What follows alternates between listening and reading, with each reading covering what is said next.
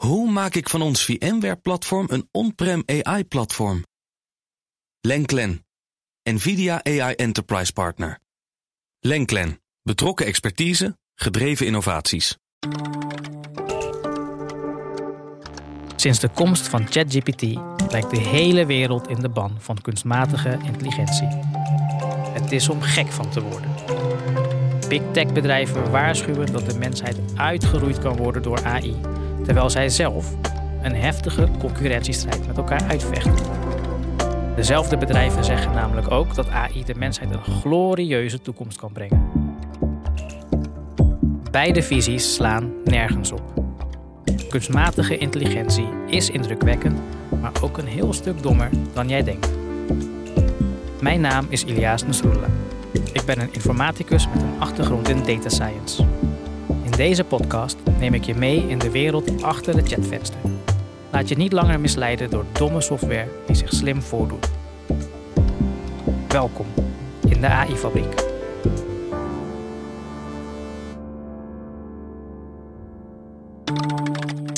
Het was bedoeld als een leuk experiment, maar werd een van de grootste PR-rampen uit de techgeschiedenis.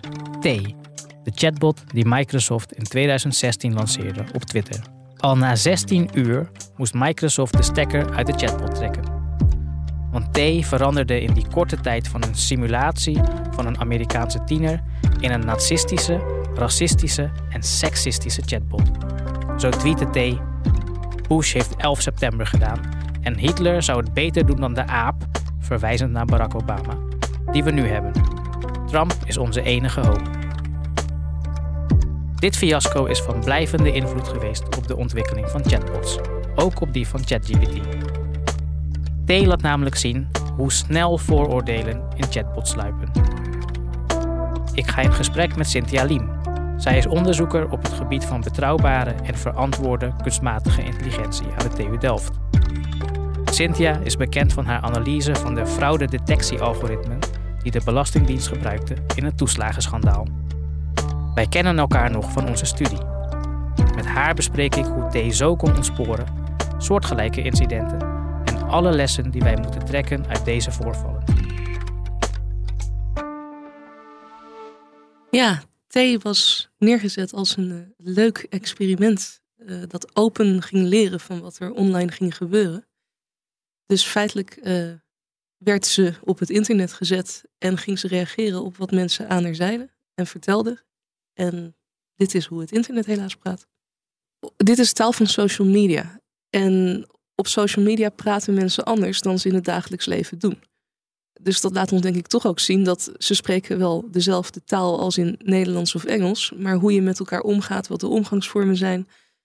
Gezien hoe Twitter zich algemeen gedraagt, ook al toen zich gedroeg, uh, verbaast dat me niet echt. T was een open systeem. Hoe verschilt dat van bijvoorbeeld een ChatGPT nu? Wat betekent dat dat je een open systeem bent? Nou, wat bij T in ieder geval is geclaimd, hè, hoe open het echt is, je kunt niet aan de achterkant kijken. Maar het leek alsof daar een model was wat live aan het leren was. Dat zich dus ook echt on the fly ging aanpassen aan wat het binnenkreeg. Bij OpenAI ChatGPT denken mensen dat soms, dat dit een intelligent ding is dat zelflerend zich aanpast, maar dat is het niet. er is een release geweest, die is getraind op gegevens die we hebben ingevoerd. Het kan wel degelijk zijn wat je nu aan ChatGPT invoert. Daar heb je voor getekend eigenlijk stiekem bij de kleine lettertjes. Maar het is niet zo dat na elke interactie die jij doet er al een update van dat model is. Dat zal waarschijnlijk meer gecoördineerd plaatsvinden op bepaalde momenten. En in heel veel toegepaste machine learning Um, ja, ook bijvoorbeeld bij aanbevelingssystemen zie je dat ook. Dat, dat het niet op elke interactie meteen reageert, maar dat je ja, op een gegeven moment een nieuwe release krijgt. Is dat een keuze geweest naar aanleiding van T? Ik kan me dat voorstellen. Het is ook gewoon praktisch qua resourcing logischer dat je niet uh, voor elk kleine dingetje, als je kijkt hoeveel interacties van gebruikers over de hele wereld met zo'n systeem plaatsvinden, wil je niet voor elke update, denk ik, een enorme pipeline gaan draaien om je model aan te gaan passen. Dus het zal ook praktische redenen hebben dat je dat, dat even rustig wil klaarzetten voor de volgende ronde. Uh, maar ik kan me zeker voorstellen dat, dat T toch wel aan de wereld liet zien van... hé, hey, uh, even open iets online zetten en dan gaat het vanzelf leren. Dan gaat dat misbruikt worden. Dacht je, nou dit is wat ik dacht toen ik uh, dat bericht van T tegenkwam. eh, zeven jaar geleden. Van nou, ik, het, ko- het komt nooit meer goed met chatbots. Dacht jij dat ook? Of Ehm, nee. Nee, ik, ik, ik denk niet dat ik, ik... Ik ben zeker geen enorme optimist op dit soort gebieden, maar ook niet zo pessimistisch. De vraag is wat die chatbot moet en wat je ermee wil. Dat vooral, denk ik. Als dit een helpdesk zou zijn, dan heb je een probleem. Eh, ik, ik denk daar ook wel dat, je, dat we hier nu in de wereld heel veel onduidelijkheid zien over wat zo'n chatbot moet zijn. Moet dat een complete simulatie van een mens zijn? Eh, is het er voor een specifiek doel? Moet, moet het heel algemeen kunnen generaliseren? Eh, daar is sowieso de hele AI-discussie momenteel relatief vaag over. Of lijkt die meer naar die generieke oplossingen voor alles toe te gaan? Eh, ja, en qua dat zie je dan van ja, dit is geen oplossing voor alles, duidelijk. Maar ik zie echt ook wel hel in chatbots voor heel goed gekaderde zaken. Wel degelijk misschien voor eerste linie bij sommige helpdesk-vraagstukken. Daar zou je best wat mee kunnen doen. Maar dan ga je dat niet openbaar op Twitter trainen. deze technologie, AI-technologie, ontwikkelt zich heel snel. Maar het sentiment eromheen ook. Toen wij studeerden was het beeld anders dan nu. Kan je schetsen hoe er naar AI gekeken werd toen wij aan onze master begonnen in 2007? En hoe dat beeld was in 2016, Ja, toen T werd gelanceerd. Ja ik, ik denk dat, dat wij toen wij inderdaad studeerden nog aan het einde van die AI-winter zaten waar mensen over spraken. Dus AI was een subonderdeel van informatica. Ehm, historisch gezien nog steeds sterk geworteld, denk ik, in de filosofische ambitie om algemene intelligentie te modelleren. Eh, maar ja, daar waren een heleboel mogelijke modellen en families van, van hoe je dat dan traint eh, van. En iedereen deed daar wel onderzoek in, maar dat was niet per se super groot. Eh, vooral denk ik omdat mensen nog niet echt de grote doorbraken zagen of het toch wat meer theoretisch was. Tegelijkertijd was het ook een tijd, herinner ik me nog, waarin er ook een heel gekaderd beeld van informatica was. Ik, ik weet nog dat, dat wij wat ethiek kregen als verplicht vak, wat een beetje in de bachelor ernaast kwam. Maar dat toch vrij sterk ook wel echt werd gezegd, maar dat is niet jouw ding. Dit krijg je erbij voor, nou ja, bijna voor de leuk, omdat het moet. Maar jij bent de harde technische persoon en jij gaat algoritmes bouwen. Eh, en, en zelfs ook daarna, in, in de, de vroege jaren 2010, toen ik zelf eh, aan een promotie bezig ging, was dat ook wel het sentiment in het onderzoek. Wij doen de hard technische dingen en of het land en maatschappelijk toepasbaar is, dat mag iemand met kennis van eh, meer sociale aspecten dan misschien bedenken. Ehm, tegelijkertijd was het ook de tijd dat, dat een aantal bedrijven ineens heel groot werden op meer general purpose diensten. De, de opkomst van partijen als Google en, en Netflix er ook wel, denk ik. eh, veel van die grote zoek- en aanbevelingspartijen die jou dus als mens gingen helpen om daadwerkelijk je informatie te navigeren. Die zijn enorm gegroeid in, in de jaren 2000, 2010. En Dus, dus Ja. in 2007 was het een heel erg technisch vakgebied. ja, ehm, waarvan nog niet helemaal duidelijk was waar het heen gaat. In 2010 kwam er een opkomst van, van de technologie. Of Ja, nou, van de ik- ik denk- implementatie. Ik denk dat het wel al opbouwde, want Google begon in, in 98, als ik me niet vergis. Eh, dus, dus die waren al een tijdje bezig, maar die gingen dus in de jaren 2000 Alta Vista uit de markt drukken. En, en werden ook daar steeds meer een beetje een soort general purpose dienst. Is een van de voorbeelden van de grote spelers in Big Tech. Facebook natuurlijk werd ook heel groot op dat moment en iedereen ging er vrolijk op. En we hadden nog geen AVG. Eh, en ik denk dat wel vanuit die grote opbouw van die industrie er natuurlijk toen veel meer infrastructuur kwam. Er, er kwam veel meer compute, we hadden veel meer machines toen daar. Eh, ik zelf heb, heb ook eh, deels bij Google als stagiair gezeten. Dus ik heb gezien hoe makkelijk het is om grote infrastructuur te lanceren daar. Dat lukt mij op de universiteit niet. Dat lukt me daar heel snel. Eh, de data is er ook al, want iedereen die, die draagt eraan bij. Dus ze hadden ineens veel meer ja, echt macht, eh, eigenaarschap. En dat heeft denk ik enorm aangedreven hoe toen vervolgens ineens alles opschuilde in die vroege jaren 2010. En dat ging ook gepaard met een hoop optimisme. Zeker, zeker. En, en de, een van de grote doorbraken was in 2012 ImageNet. Ehm, dus ImageNet was een dataset in de computer vision wereld. Dat ging over dus beeldherkenning. Uh, en het idee van ImageNet was, we gaan alle concepten in de wereld, daar hadden we al tekst-equivalent van WordNet heette dat. Dat hebben psychologen ooit uh, gestart als een soort lexicon van alle mogelijke concepten in de wereld in taal en hoe ze met elkaar samenhangen. En ImageNet zou daar de visuele tegenhanger van zijn. Daarvan zeiden mensen van, uh, van Stanford in de tijd: van, nou, dat gaan we doen. En heel veel plaatjes van het internet halen voor elk van die concepten. En dan hebben we enorm veel plaatjes en dan kunnen we de wereld gaan begrijpen. Want we hebben woorden en we weten hoe die woorden samenhangen en we hebben plaatjes. En ImageNet is dus toen ook voor onderzoekers een, een benchmark geweest, zoals die heet. Dus dan was er al data klaargezet en dan kon jij je modellen daarop gaan trainen.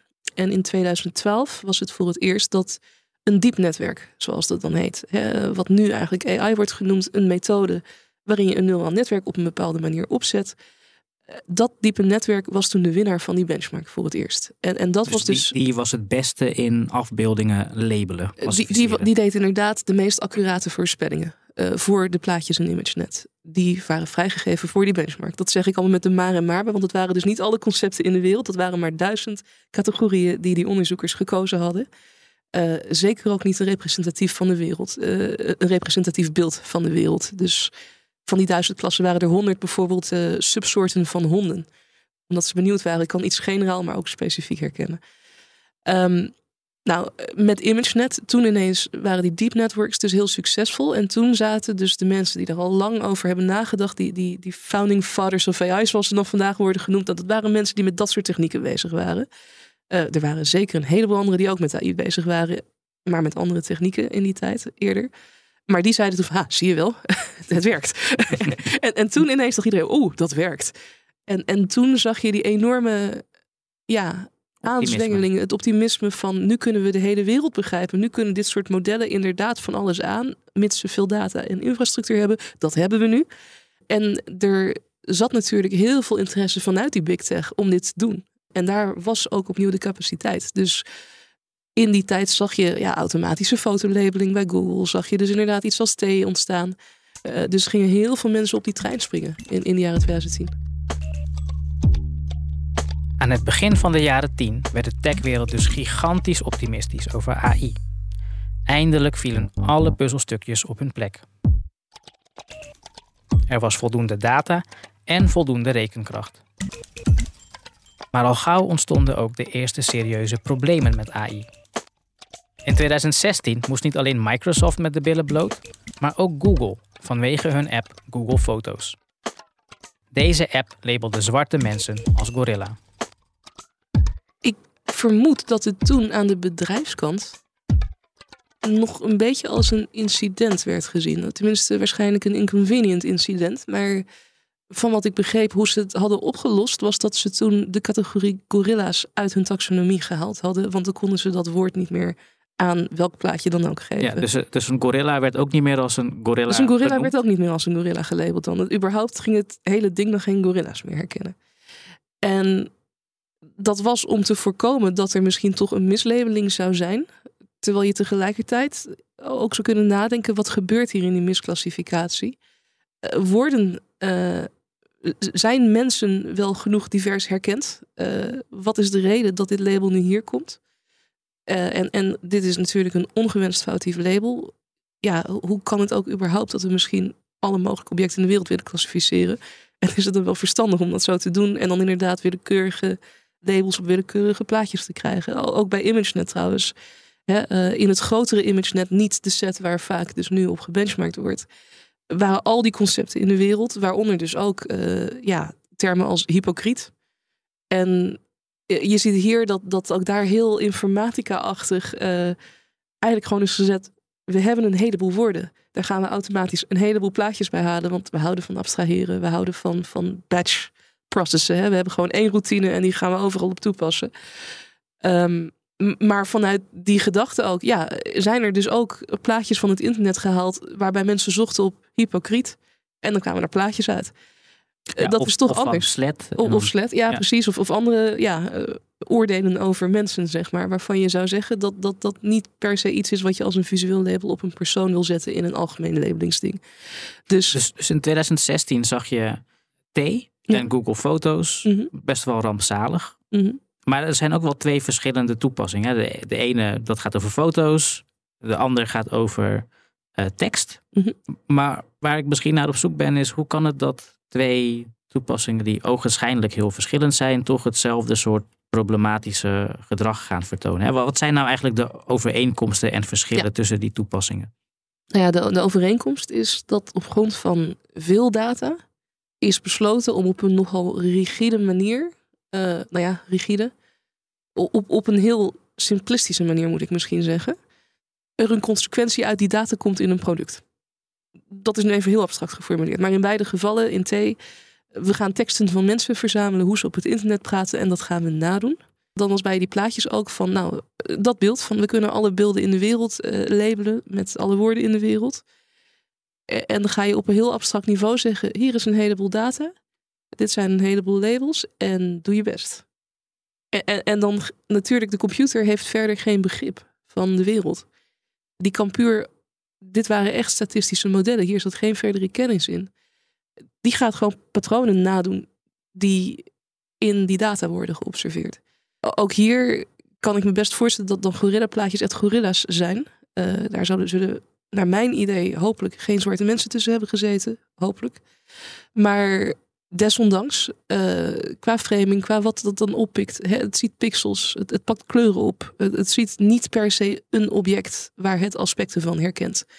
In die diepe technologie hebben ze altijd over end-to-end leren. Daar, daar willen ze juist heel bewust niet gaan kaderen van we gaan eerst kijken of het een persoon is. Of we gaan kijken of er bepaalde kennisverwachtingen zijn dat de achtergrond misschien er bepaald uit moet zien. Ze laten het gewoon aan het systeem Dat laat over. helemaal aan het systeem, ja. Dat is ook niet altijd, denk ik, praktisch gedacht een techniek die je noodzakelijkerwijs zou moeten. Het, het, het, voordeel is dat je dan als mens niet te veel hoeft na te denken en dat die machine dan dingen vindt. De belofte is dat er dan patronen worden gevonden waar je als mens niet aan denkt of die je nooit op schaal zou kunnen vinden. Stel dat dat ding kleurenhistogrammen in pixels heeft gehad en mensen waren misschien voornamelijk wit.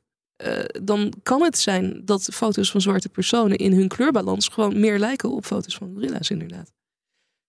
Dus dat is een overeenkomst, een heel erg datagedreven mm -hmm. aanpak.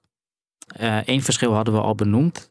T was een open systeem wat leek, uh, op het moment zelf leek te leren van gebruikers. Uh, Google Foto's was closed. Zijn er nog andere verschillen tussen die systemen? Nou, ik, ik zou wel zeggen het, uh, het gebruiksdoel. Hè? Dus, dus, dus T was nog veel sterker een soort general purpose applicatie. Um, een beetje denk ik wel in de geest van wat we ook vandaag zien. Uh, dat je bijna een soort virtuele vriendin zou hebben daar. Of, of iets wat, wat gezellig tegen je aan gaat praten op het internet. Dus dat een soort algemeen gedrag zou moeten vertonen. Waar die Google Fotos labeling in principe een, een soort tussenstap zou zijn in je gebruikers uh, experience. Dus het idee zou zijn dat dan inderdaad jij op grond van tekst dingen kon terugvinden in je plaatjes. En, en daar fundamenteel kan ik me als gebruiker daar natuurlijk heel veel bij voorstellen. Van ja, uh, ik wil inderdaad wel, wel die foto's van die momenten dat ik uh, op het strand was. Of uh, momenten dat ik op vakantie in Frankrijk was. Of, of dat soort dingen. en dat wil ik niet puur uit plaatjes hoeven vinden. Maar ik heb ook geen tijd het allemaal met de hand neer te zetten. Dus, dus als een tussenstap in hoe je uh, je, je foto's, je persoonlijke foto's, wat beter kunt organiseren of terugvinden, uh, was denk ik een zeer verdedigbaar component in hun dienst. Maar opnieuw de manier waarop je dat dan traint en wat er dan gebeurt en of je het loslaat of niet, uh, daar moet je beleid op voeren als bedrijf. Ja, want jij gebruikt het woord verdedigbaar nu. Ja. Dat gaat al bijna naar een schuldvraag. Ja, en ja. bij Google is het me duidelijk dat het de schuld van Google moet zijn, want dat is een een gesloten systeem. Dat hebben ze Mm. zelf getraind. Dat konden ze zelf checken hoe dat werkt. Maar bij dat Microsoft geval, bij T, dan is het, is het, is het toch waziger. Hè? Want Ja, het, juist omdat het een open systeem ja, is. het is de schuld van Microsoft qua misschien een zekere naïviteit. Eh, wat, qua, qua wat we eerder hadden. Hè? Van verwacht je dat zoiets gebeurt of niet? Ehm, ja, ik, ik denk dat ik dat wel verwacht had. Hm. Inderdaad. Dus jij legt de volledige schuld bij Microsoft neer? Nee. Eh, Tegelijkertijd, wat bijvoorbeeld ook interessant was bij, bij het T-verhaal, qua die naïviteit of wat je dan observeert. eh, dit was zeker ook deels een gecoördineerde bijna aanval van buiten van trollen die dit grappig vonden. Ja, van, van 4chan. Eh, Van, en 4chan heeft erover gepost van eh, ga allemaal hier naartoe. Eh, En toen zijn mensen dat gaan doen. En, en dat zie je ook vaker natuurlijk op het internet gebeuren. Dat dat soms he- hele grote, eh, toch ook, ook mobbingachtige eh, patronen, gedragingen echt gecoördineerde aanvallen zijn om andere mensen de mond te snoeren of iets, of omdat het grappig lijkt voor die mensen die dat doen. Ehm, dus daar zit zeker ook deels schuld dat, dat de mensheid zelf besloot om dit te gaan gebruiken en exploiteren. wat ook wel, wel grappig was, was dat T dus schijnbaar was gedaan nadat er eerder in China een soort experiment was gedaan door Microsoft. Een soortgelijke chatbot. Een soortgelijke chatbot. En, en daar natuurlijk, mensen die zich in China op het internet publiek roeren met wat ze zeggen, zullen zich niet narcistisch gedragen. Uh, dus ook hier denk ik dat het precedent in, in, een heel andere culturele setting gedaan was. Waardoor misschien, ja, ik het eerder nogmaals naïviteit dan bewuste opzet zou noemen aan de kant van Microsoft. Waar je de schuld voor het gedrag van T ook neerlegt, voor de techbedrijven was het duidelijk dat dit gedrag het succes van hun technologie en toepassingen in de weg zou zitten. Sommige dingen accepteren gebruikers gewoon niet. Welke lessen heeft OpenAI, het bedrijf achter ChatGPT, van tegeleerd? ChatGPT was, was behoorlijk goed qua het, het safety filter, als ik het zo mag zeggen. Dus ik denk dat mensen die ermee praten, je moet behoorlijk je best doen om er dit soort taal uit te krijgen. Waarschijnlijk lukt het niet eens. Dus er is best veel filtering op de achtergrond om te voorkomen dat er, dat er heel offensieve dingen uitkomen. Nog steeds, soms lukt het mensen wel. Het is niet gegarandeerd dat het niet gebeurt. En er zijn een heleboel mogelijke aanvallen opnieuw die er niet uh, standaard taalkundig uitzien, maar die dan meer te maken hebben waarschijnlijk met het machine learning model erachter. Dus er zijn kwetsbaarheden. Ja, ik zag een, een, een aanval en dat noemen ze een adversarial attack. Ja. Als je gewoon een willekeurige reeks, of in ieder geval een willekeurig lijkende reeks tekens toevoegt aan een prompt, dan schakel je eigenlijk het hele veiligheidsfilter van, ja. van ChatGPT uit. En er zijn duizenden van dat soort reeksen. Klopt, ja. En, en, en dat, dat soort hacks, hè, opnieuw komt dat vanuit een soort generiek beeld van we kunnen alle mogelijke invoer in de wereld aan, uh, maar eigenlijk alleen getest hebben op invoer die meer lijkt op wat je wil. En dan heb je eigenlijk ongedefinieerd gedrag voor invoer die er niet uitziet als invoer waar je aan dacht en die je wel. Eh, ja, dat, dus, dat blijft, dingen die er niet menselijk uitzien, daar kan ChatGPT dan ineens niet mee om. Precies. En, en, en, opnieuw is dat niet eens zo vreemd ten aanzien van wat mensen doen. Want als je mij een willekeurige reeks geeft, dan weet ik ook niet wat ik ermee moet als antwoord als je dat mij zegt. Um, tegelijkertijd, inderdaad, wat er dan dus uitkomt, ja, dan bedenk ik dat ik als mens uh, niet weet wat ik daarmee moet. En dan ga ik je vragen: hé, hey, wat bedoel je daar? Als dat soort mechanismen niet zijn ingebouwd uh, en het beeld is, die bot moet te allen tijden wel iets kunnen terugzeggen, dan krijg je dus dit soort exploits. Wat ik interessant vind, hè, dus OpenAI heeft hard gebouwd aan een veiligheidsfilter, want nou, ze, konden, ze konden aan de hand van T al verwachten dat mensen gaan ermee zitten knoeien en dat, dat, dat hebben ze ook geprobeerd met mhm. ChatGPT. Mm.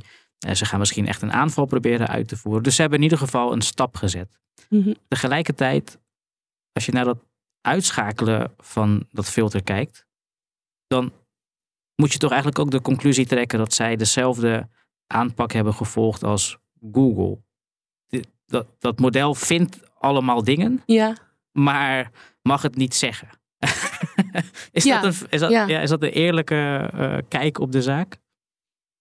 Dus het, diep gewortelde mhm. probleem van, van, van vooroordelen, dat hebben ze niet opgelost. Ze hebben er gewoon een hek omheen geplaatst. Ja, nou, nou ja, nu wordt het filosofisch, denk ik. Want ik, ik denk dat natuurlijke mensen dit waarschijnlijk ook wel hebben. Als ze met elkaar praten, dan gaan ze niet ongefilterd aan elkaar zeggen wat ze van elkaar vinden. In heel veel gevallen. Tenzij ze heel comfortabel met elkaar zijn en vertrouwd met elkaar zijn. Maar dan ga je niet elkaar uitschelden. Dan ga je niet elkaar uitschelden. Uh, tegelijkertijd kan ik me best voorstellen dat er heel veel mensen zijn die elkaar wel zouden willen uitschelden en het niet doen. dus wij hebben ook een filter daarop. En, en dat filter ging er dus sowieso op het internet al af, ook nog voordat er AI was. Toen konden mensen lekker anoniem losgaan. Dat is die hele discussie over anonimiteit en wat je al niet mag zeggen op het internet. Hier spelen natuurlijk ook vrijheids- van meningsuitingsdiscussies ideologisch doorheen. Dat mensen vinden dat je alles moet kunnen zeggen, of toch ook niet. Dat je ook respect voor anderen moet hebben. Uh, dat, dat is een cultureel-ideologisch vraagstuk. En uh, hier is misschien het, het, beeld van neutraliteit van zo'n chatbot: van je gaat gewoon alles zeggen, dat kan. Oh nee, nee, dat kan toch niet. Uh, en, dan wat moeten we? Ja, dat weten we eigenlijk niet, want daar kan je dus geen strikt abstract beleid op voeren. dat is denk ik nu de crux van dit verhaal. Van, je, je weet eigenlijk niet in hoeverre je dat filter al dan niet wil. Uh, maar als je dat filter wil, dan moet het denk ik wel iets genuanceerder dan we nu vaak doen. Want nu is het inderdaad heel gauw een soort blacklist van uh, dit soort termen mag je dan niet zeggen. Of op dit soort woorden gaat er dan een lampje aan. Maar als je dat woord dan net iets verandert, dan gaat het weer wel. Weet je. Um, maar, dus, ja. maar is, is, er een, is er een aanpak om het. Uh, dit, dit schijnt de beste oplossing te zijn die de techbedrijven kunnen verzinnen. We doen er een hek omheen. Ja, als je een, uh, opnieuw, als je een techbedrijf bent en, en je rekent toch af op de hoeveelheid engagement, dan is dit waarschijnlijk de, de meest handige en de meest economische, economische hack. Qua, het, het kost je niet heel veel resource in termen van wat je mensen moet implementeren. En ja, en ook bijvoorbeeld in die misinformatiediscussie die we breder op het internet hadden. Hè, als heel veel mensen erg blij op Facebook zijn met misinformatie, zijn je klanten wel tevreden. Dus, dus ga je daar beleid op voeren of niet? Ik, ik snap ook wel dat dit voor bedrijven best lastig is. En dat ze dan dus naar regulering kijken. Aan de andere kant dat als regulering zich daar te veel in roert, dat dan ook gauw over staatscensuur wordt gesproken. Um, op de een of andere manier moet, moeten partijen met elkaar nu gaan bedenken wat ze acceptabel vinden. En daar is geen hele duidelijke natuurkundige beslisregel op te bedenken. Vooroordelen, bias, krijg je dus niet zomaar uit AI-systemen. Cynthia heeft uitgelegd hoe trainingsdata van AI-systemen tot vooroordelen leidt. Maar de hele kwestie van bias verwijderen is minder zwart-wit dan je zou denken. Eh, nu wordt vaak gesproken, al bias is fout, het moet eruit. Maar dat is een te simplistisch beeld ook. En ik denk dat ik dat makkelijker kan uitleggen weer ten aanzien van aanbeveling. Uh, Netflix, Spotify, dat soort verhalen. Wij vinden het heel fijn dat die personaliseren. En de unbiased version zou dus zijn dat je een willekeurig random sample krijgt, een, een aselecte steekproef uit alle mogelijke content die op het internet staat. En daar wordt niemand gelukkig van. Dan krijg je maar wat. Ja. En, en je wil dat misschien wel voor een, mensen die willen verkennen, willen voor een deel dat wel kunnen voelen of daarbij kunnen. Dus het vaak wordt door dat soort mensen wel geklaagd van nou, ik word nu te veel in een bubbel gedrukt qua personalisering. Maar stiekem vinden echt heel veel mensen dat fijn. Dus als, als gebruikssignaal krijg je ook door dat mensen dit, dit super vinden. En, en zie je heel vaak ook in, in ja, meer zakelijk beleid dat je probeert om, om natuurlijk meer te conditioneren op wat die klant fijn vindt en, en leuk vindt dus, dus dat soort bias zit erin. En, en dat compleet eruit halen. Nou ja, zoals gezegd, dan krijg je uniform random of, of nou misschien gewogen eventueel. Maar al het beleid dat je erop zou doen, geef je inderdaad niet wat je zoekt, maar geef je een beeld van wat er breed in de wereld is. En heel zelden zijn mensen daar echt naar op zoek. Dus data is misschien wel hè, de, de hoofdfactor van de vooroordelen die je terug ziet komen mhm. in die systemen. Hoe goed of hoe slecht is die data nu mm. op dit moment? Ja, want, want, dan, want dan ga je dus ook zeggen van ja, als je die vooroordelen uit die systemen wil hebben, dan moet je goede data hebben. Uh, laten we even doen alsof we weten wat goede data is. en hoe slecht is die data dan nu? Nou ja, ik, ik blijf altijd zelf toch erop hameren dat dit systemische issues zijn en niet alleen een dataprobleem. En dat ook hier vooral op een hoger niveau de vraag is: wat wil je met zo'n systeem bereiken? Wat is het wereldbeeld dat we nu hebben en is dat het wereldbeeld dat we willen houden? En dat zijn toch ook gescheiden dingen, zeker als het over maatschappelijke toepassingen gaat. Dus wat hier ook lastig aan is, is dat data natuurlijk puur technisch gezien zijn het een heleboel nummertjes met statistische patronen. Maar in hoeverre die nummertjes en die statistische patronen gerechtvaardigd zijn of ook uit slechte meetprocessen komen, dat weet je niet zo goed. En, en hier zitten we ook met het issue dat je kunt machine learning en AI op alles toepassen wat er numeriek uitziet en statistische patronen heeft. Mm. Daar denk ik wel dat als je dan vervolgens algoritmisch verder gaat, inderdaad je niet meer zo goed terug kunt naar, maar kon ik die meting vertrouwen? En hier als wetenschapper ehm, kan ik wel stellen dat de natuurwetenschap en de metingen die daar plaatsvinden anders zijn dan metingen meer aan de sociaal-wetenschappelijke kant. Uh, bij natuurwetenschap weet je dat, dat de wetten der natuur uh, ja, er zijn. Er is zwaartekracht enzovoort.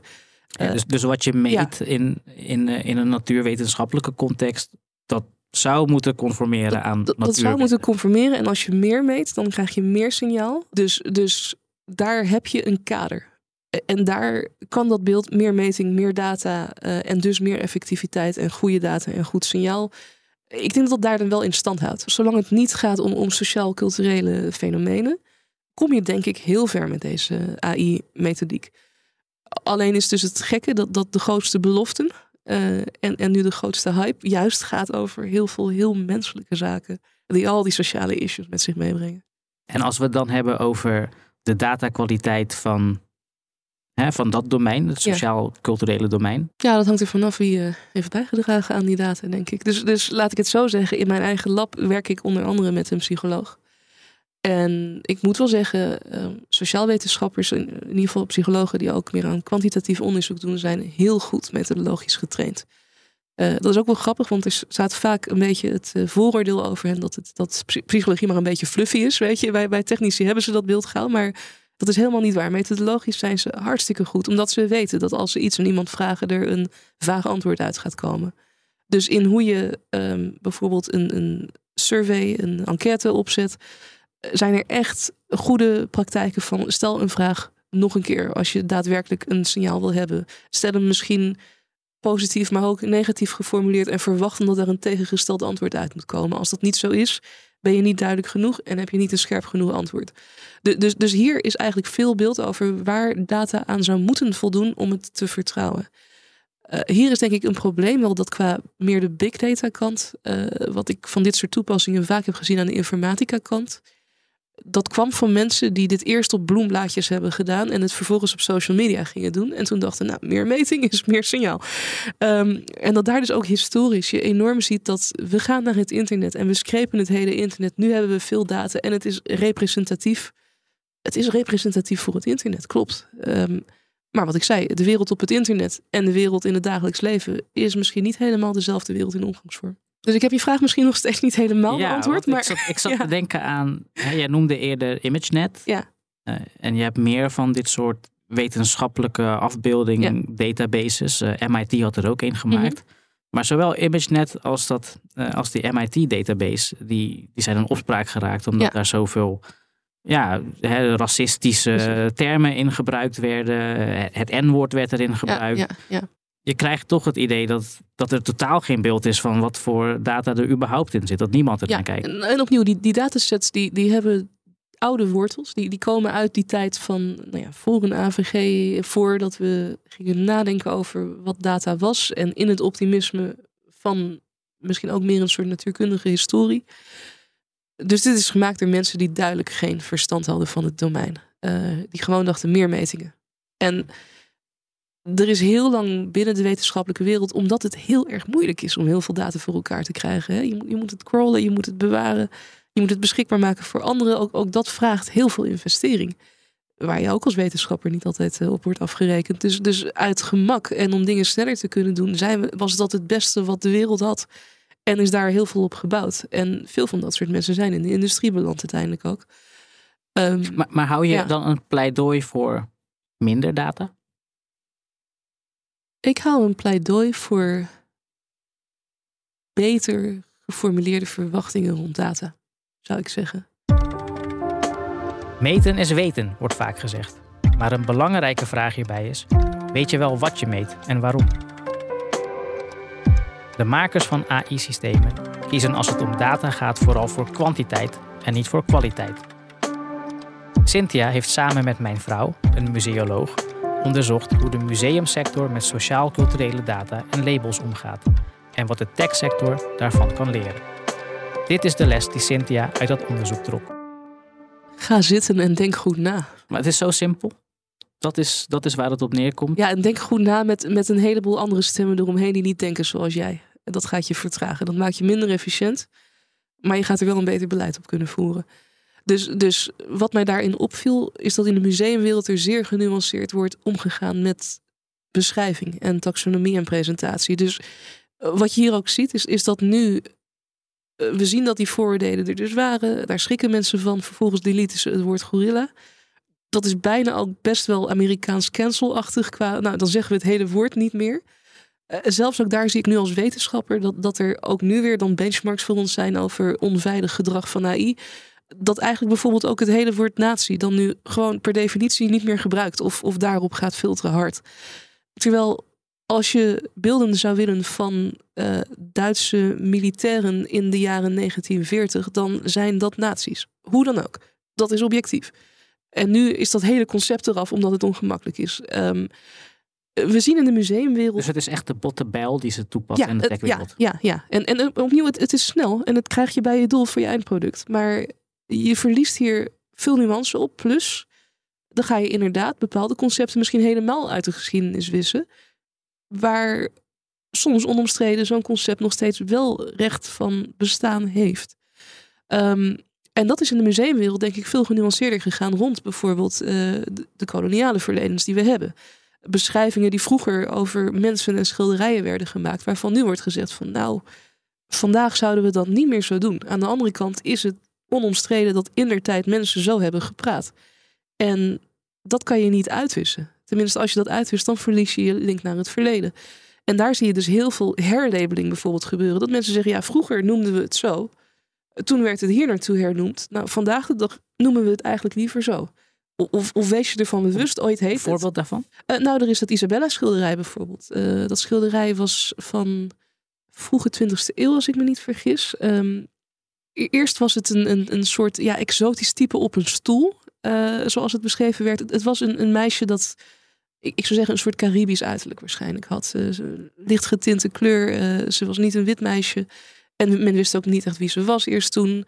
De, dus, en dus werd het woord exotisch. Dus, dus het, het, was exotisch West-Indisch type, zoiets dergelijks uh, op een stoel. Nou ja, op zich dat er een meisje op een stoel zit, prima beschrijving. Maar er was wel een kwalificatie aan dat haar uiterlijk niet uh, het normuiterlijk was. Vervolgens is het later, uh, jaren zeventig dacht ik, zelfs hernoemd naar negerinnetje. Um, en ook lang zo dus beschreven in de museumcatalogus. En later zaten, mensen toe van ja, nee, dat, dat kan niet. Plus, wie is zij überhaupt? Hè? Uh, het is dus nu een, een exotisch type op een stoel, eh, if not met een kwalificatie van haar raciale achtergrond die omstreden is. En toen bleek dat, dat men kon vinden dat het een meisje was dat Isabella heeft geheten. En nu wordt dat schilderij dus ook als Isabella gepresenteerd. En dat is nog steeds een accurate beschrijving van dat schilderij, die echter veel minder omstreden is. En we hebben nog die hele historie terug van ja, en in het verleden is er dus zo en zo en zo aan gerefereerd. En ook in eerdere catalogussen zal je daar niet omheen kunnen. Maar nu kiezen we ervoor dat dit het schilderij van Isabella is. En is dit mogelijk om te doen met de data die we nu hebben? Het zou mogelijk zijn, maar het, het kost je wel veel inzet. Um, ik bedoel, dat betekent dat je fundamenteel misschien ook die labels anders moet representeren. Dat je misschien representaties nodig hebt waarbij je parallel een heleboel mogelijke labels hebt met een voorkeurslabel en andere labels waarvan wordt gezegd, ja, dit was er vroeger, uh, maar dit heeft niet meer de voorkeur. Als de techbedrijven er niet voor kiezen om aan dit soort herlabeling te doen, mm -hmm. aan het goed doordenken van eh, hoe ga je met, met cultureel gevoelige informatie om, dan moet je bijna bias als fact of life gaan accepteren. Of je, of je krijgt de hele botte oplossingen. Ja. Maar is bias dan ook positief te gebruiken? Is er, hè, je, soms, soms, zie je wel eens dat mensen zeggen, nou ja, als je, als je bijvoorbeeld uh, per ongeluk arme mensen kan detecteren, kan je ze misschien ook helpen. Weet je wel, zo, ja, zo'n soort denken. Is dat, staat dat ergens op? Ja, ik denk het wel. En opnieuw, juist het feit dat een machine patronen herkent op een vrij mechanische manier, er wordt wel eens een objectiviteitsargument gebruikt. Hè? Dus de computer kan dus niet met vooroordeel handelen. En dat ligt dus genuanceerd, want als je die computer alleen maar biased data geeft, dan geeft hij dat aan je terug. Maar ik denk juist dat dat ook wel de kans is voor ons om dat echt onder de ogen te gaan zien. Want wij mensen zijn heel slecht in, in dat kunnen inschatten of in van onszelf toegeven dat wij ook zo handelen. En hier is denk ik uh, ja, meer, meer screening, sollicitatie, HR-achtige uh, domeinproblematiek een goed voorbeeld. Uh, er zijn heel veel discussies over of, of alleen bepaalde soort types het tot het einde gaan redden.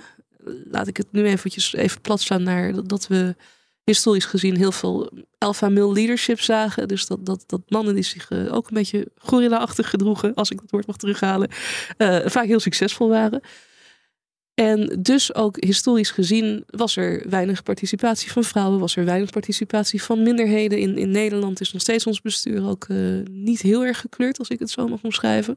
Dus alle voorbeelden die je hebt, zijn een bepaald soort type persoon. Dat zegt niks over of die persoon al dan niet gekwalificeerd zou zijn. Die personen hebben vast prima leiderschap verricht, maar het enige beeld dat je hebt en de enige evidence die je hebt, ziet er zo uit. En als je dan nieuwe mensen moet selecteren over of ze geschikt zouden zijn voor zijn rol, als je ervan uitgaat, dit was inderdaad de wereld en dit blijft zo, ga je kiezen dat mensen daarop lijken. En hier hebben we ontzettend veel verhalen over selectie. Dat nou ja, als je naam exotischer klinkt en je cv hetzelfde is, dat je toch wat minder hoog op het lijstje komt te staan. En dan zeggen mensen: nee, nee, nee, wij, wij, wij discrimineren niet. Maar je hebt er dus geen data voor, je hebt er geen bewijs voor. En als de persoon zegt: nee, dat heb ik niet gedaan, dan kan je dat nooit hard maken zonder dat je er een datapatroon tegenin hebt. En daar geloof ik wel in. Van, Ik, ik zie dat, dat mensen hier zeer inconsistent in zijn. En heel, heel slecht aangeven wanneer ze consistent of inconsistent zijn. Of denken dat ze veel consistenter zijn dan ze zijn. Daar zit natuurlijk ook de paradox van helemaal consistent zijn. Is waarschijnlijk een botte-belbenadering. Is een te selectief, te beperkte manier om, om echt ook nuances te kunnen zien. Maar je wil je wil je uitzonderingen kunnen verdedigen. Je wil je beleid wel in grote lijn kunnen voeren. Dat soort dingen wil je. En daar geloof ik absoluut in, juist die AI-behandeling. Zelfs als ik naar een toeslagenaffaire kijk. En juist als ik kijk naar waar de toeslagenaffaire eh, het kabinet op viel. Dat ging over die tweede nationaliteit. En, en dat blijf ik overal waar ik uh, publiek spreek zeggen. Um, die tweede nationaliteit was een voorspeller in het systeem. Totdat er een service update bij de Belastingdienst plaatsvond. En origineel was het een beetje vaag of dit ging over fraudeurs of over fouten in een dossier. Als ik mijn naam verkeerd zou spellen, zou dat ook een fout zijn. Dan is dat de onrechtmatigheid. En de eerste opzet van dit risicomodelleringssysteem ging eigenlijk daarover. En gaandeweg werd het een handhavings-antifraude-achtige oefening. Ik denk dat het een legitiem correlatiepatroon is dat als Nederlands niet je eerste taal is, dat je belastingdienstformulieren heel erg ingewikkeld vindt. Zelfs als Nederlands wel je eerste taal is, maar je bent niet super hoog gedetterd, heb je daar moeite mee. Dus dat meer mensen misschien die, die niet eh, super universitair hoog ABN Nederlands lezen, moeite hebben met dit soort formulieren en dus meer fouten gaan maken. Zelfs als je dat wel doet, heb je er moeite mee. Ja, en, en zelfs dan, ja, precies. Ik bedoel, ik maak voor hem ook fouten. Ja, dus, dus, dus, dus dat, dat soort dingen. Um, ik kan me goed voorstellen dat in data daar daadwerkelijk een statistisch patroon zit. Dat wil niet zeggen dat het fraudeurs is. Dat wil gewoon zeggen dat je als belastingdienst hebt gefaald in je documenten, je formulieren duidelijk inrichten. Dus vanuit een inclusieperspectief zou je exact dat signaal willen hebben gezien. En, en wat ik dan nu zie van, oh, dan betekent goede data dat we dus niet meer kijken naar tweede nationaliteit. Kijk, daar moet een juridische toets over, over of het gerechtvaardigd is. Gegeven wat je ermee wil gaan doen. En de vraag is ook of je als handhaving die data wil hebben of dat iemand anders dat moet hebben. Maar de kolom aan zich en het patroon aan zich zijn niet omstreden, zou ik zeggen. Daar kun je ook wel degelijk juist heel goede dingen mee doen. Um, en nu gaat het dus ook weer heel erg over schuldvragen en dat die kolom fout was en, en dat daarom alles verkeerd is. Maar de kolom gaan deleten is volgens mij niet de oplossing. Dus gevoelige data moet je behouden.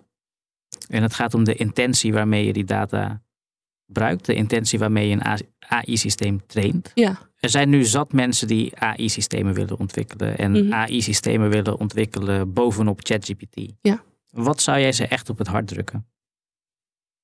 Ga zitten en denk goed na. Waarom wil je dit? Eh, wat wil je ermee bereiken? En, en, als dat, en als je dat scherp hebt, wat heb je dan dus nodig? En wat heb je ook nodig om te borgen dat je bereikt wat je wil bereiken? En iedereen doet het en anders loop ik achter is geen excuus. Dat is niet inhoudelijk, dat is niet. Dat is alleen maar andere mensen doen het ook. En dat is een iedereen springt in de sloot argument. Dus eh, ik zou hopen dat het iets dieper gaat dan dat. En, en denk dan naar de dienstverlening. Heb je dan ook iets nodig wat general purpose op alle mogelijke input iets moet kunnen antwoorden? Of kan het ook simpeler? Wat wil je er nou mee? En wat wil je niet? Uh, daar ook even over nadenken. Want daar zijn we soms ook zo bang voor. Dat we er maar heel erg omheen blijven lopen. Eh, maar het vervolgens ook niet in de ogen kijken en alsnog het creëren. dus, dus hier, ga, ga daar goed over nadenken. Besteed daar alsjeblieft bewust veel tijd aan. En niet in je eentje in haast. Maar daadwerkelijk breder ook. Met meerdere partijen die hier inzicht over hebben.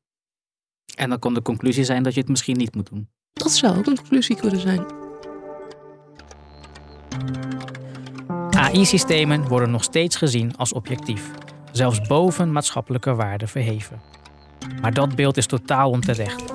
Zodra AI gebruikt wordt in een sociaal-maatschappelijke setting, worden die systemen zelf een uiting van bepaalde waarden. Dat levert problemen op maar gek genoeg misschien ook kansen.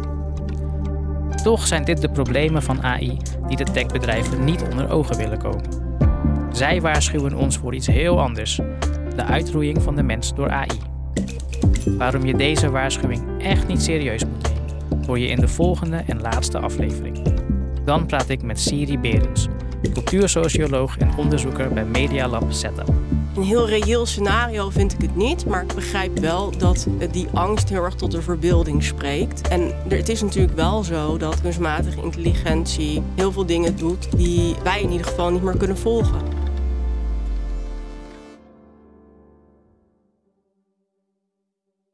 Hoe maak ik van ons VMware-platform een on-prem AI-platform.